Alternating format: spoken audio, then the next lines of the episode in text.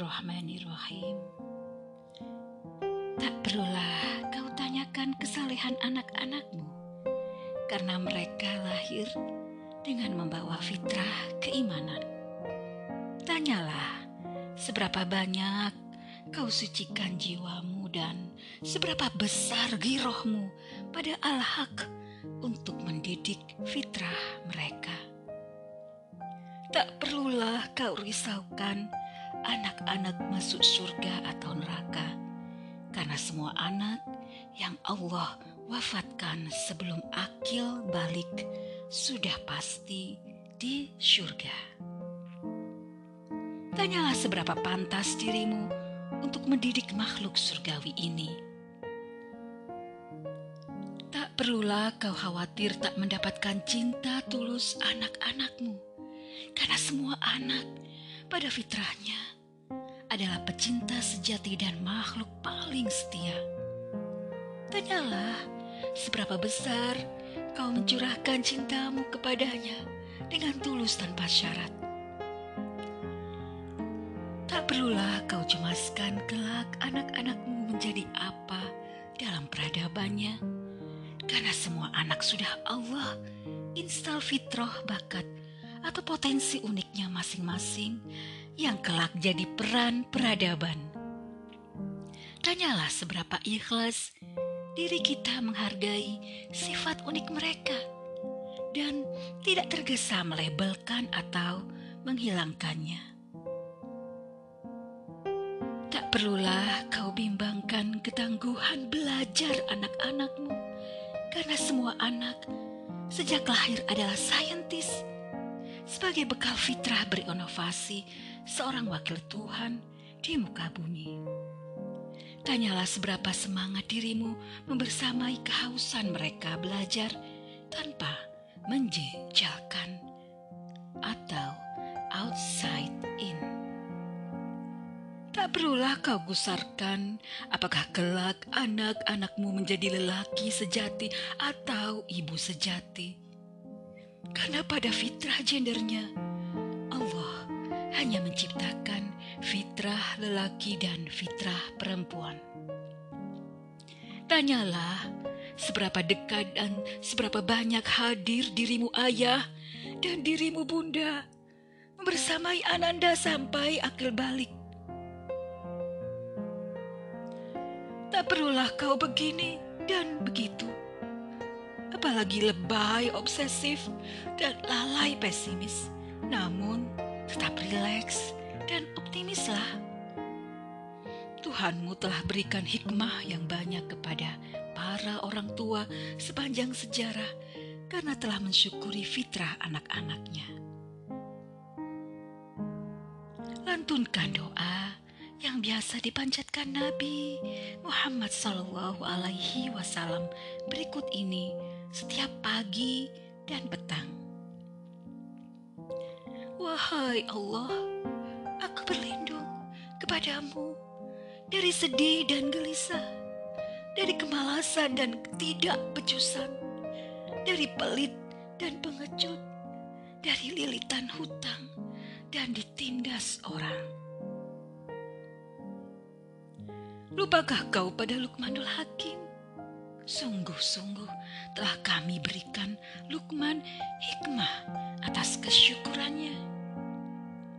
Maka banyaklah bersyukur atas fitrah dirimu dan fitrah anak-anakmu, agar kita bisa banyak bersabar dan mendapat hikmah yang banyak dalam mendidik. Maka jangan galau dan panik, jangan banyak bersedih dan gelisah.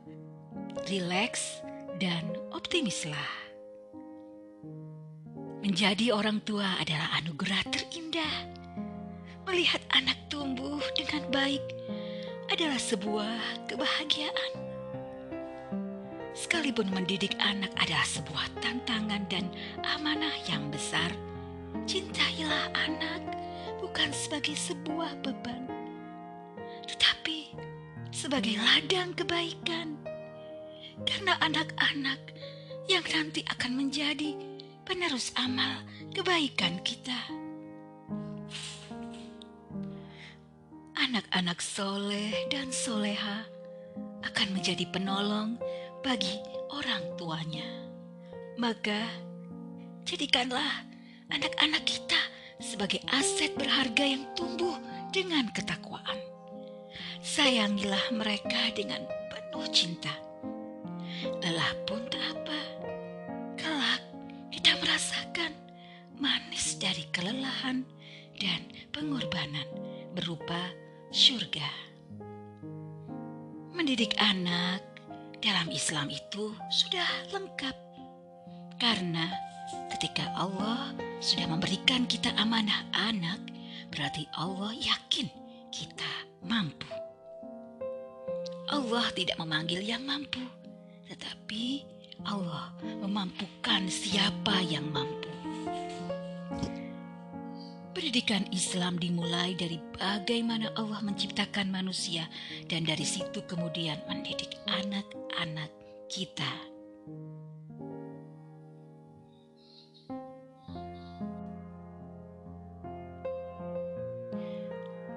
Sesungguhnya masa mendidik anak kita tidaklah lama.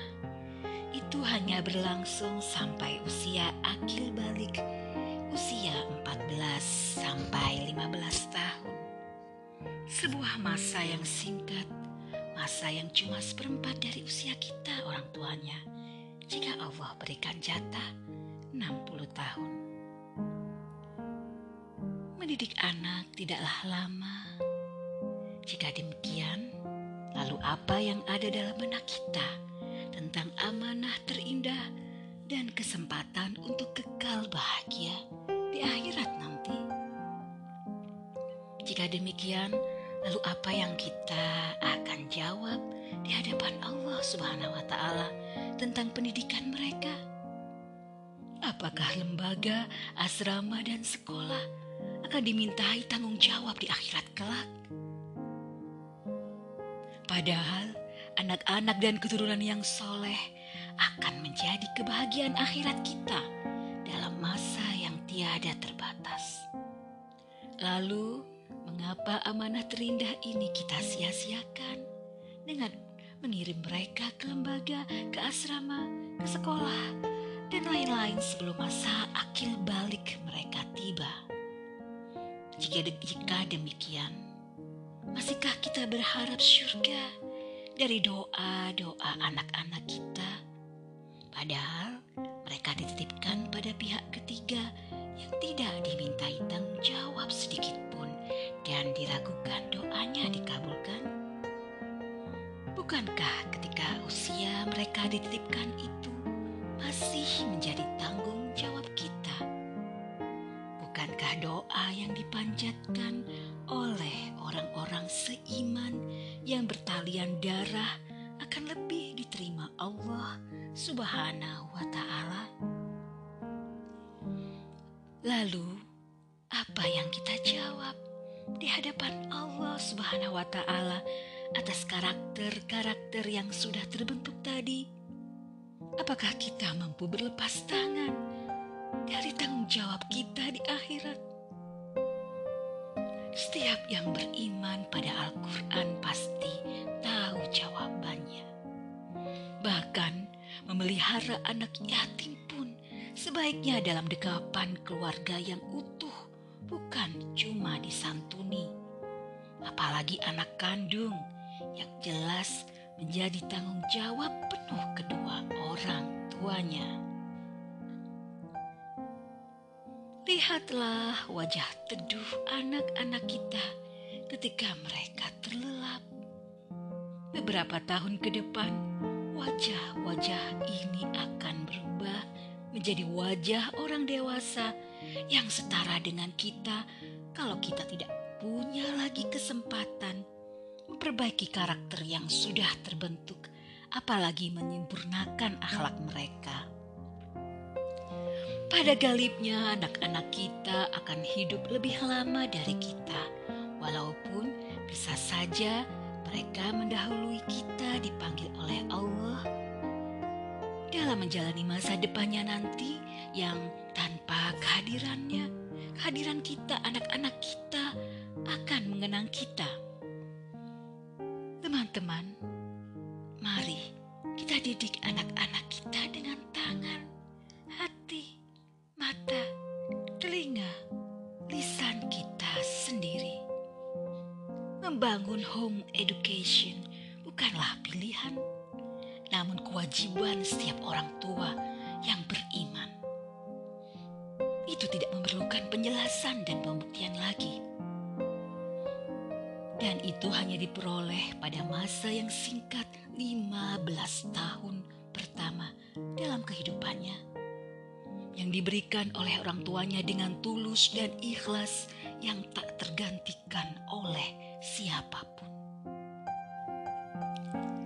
Anak-anak kita memerlukan kenangan, kenangan yang memunculkan kesan-kesan dan imaji-imaji yang baik, positif, tulus penuh cinta dan utuh tentang masa lalu mereka bersama kedua orang tuanya. Itu semua agar mereka kuat menghadapi masa sendiri ketika mereka kelak dewasa.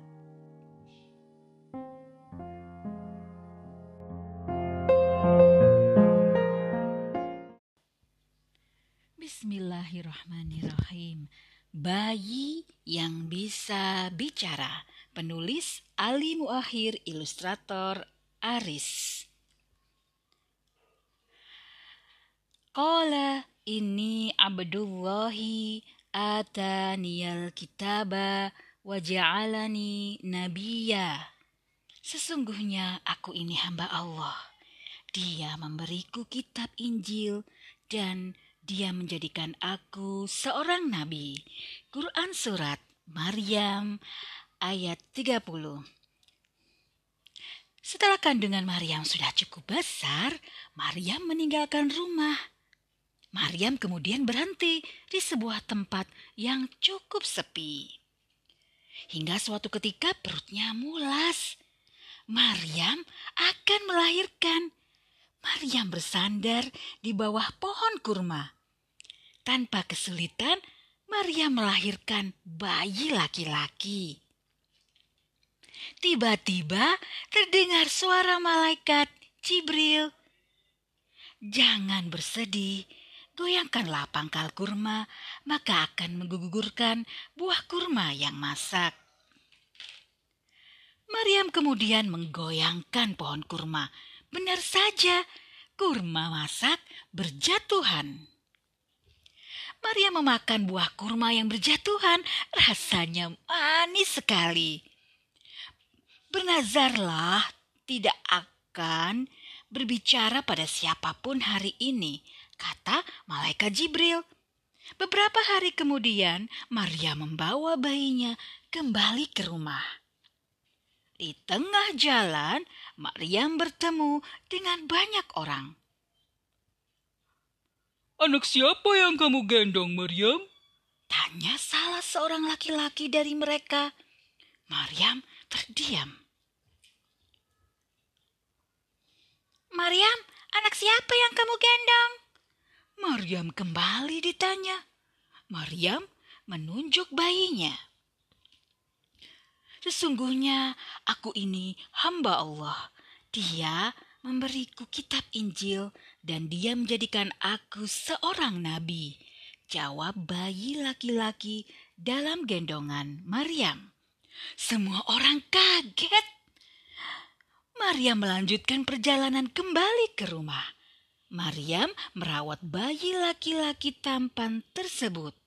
Bayi laki-laki itu diberi nama Isa. Adik-adik, apakah kalian tahu saat baru melahirkan Nabi Isa alaihi salam, ibunda Nabi Isa alaihi salam ditanya orang-orang, siapa bayi yang digendongnya? Tiba-tiba Nabi Isa alaihi salam yang masih bayi pun menjawab, apa yang terjadi kemudian ya? Ya, tadi udah diceritakan kisahnya. Nah, untuk kisah selanjutnya uh, ditunggu ya.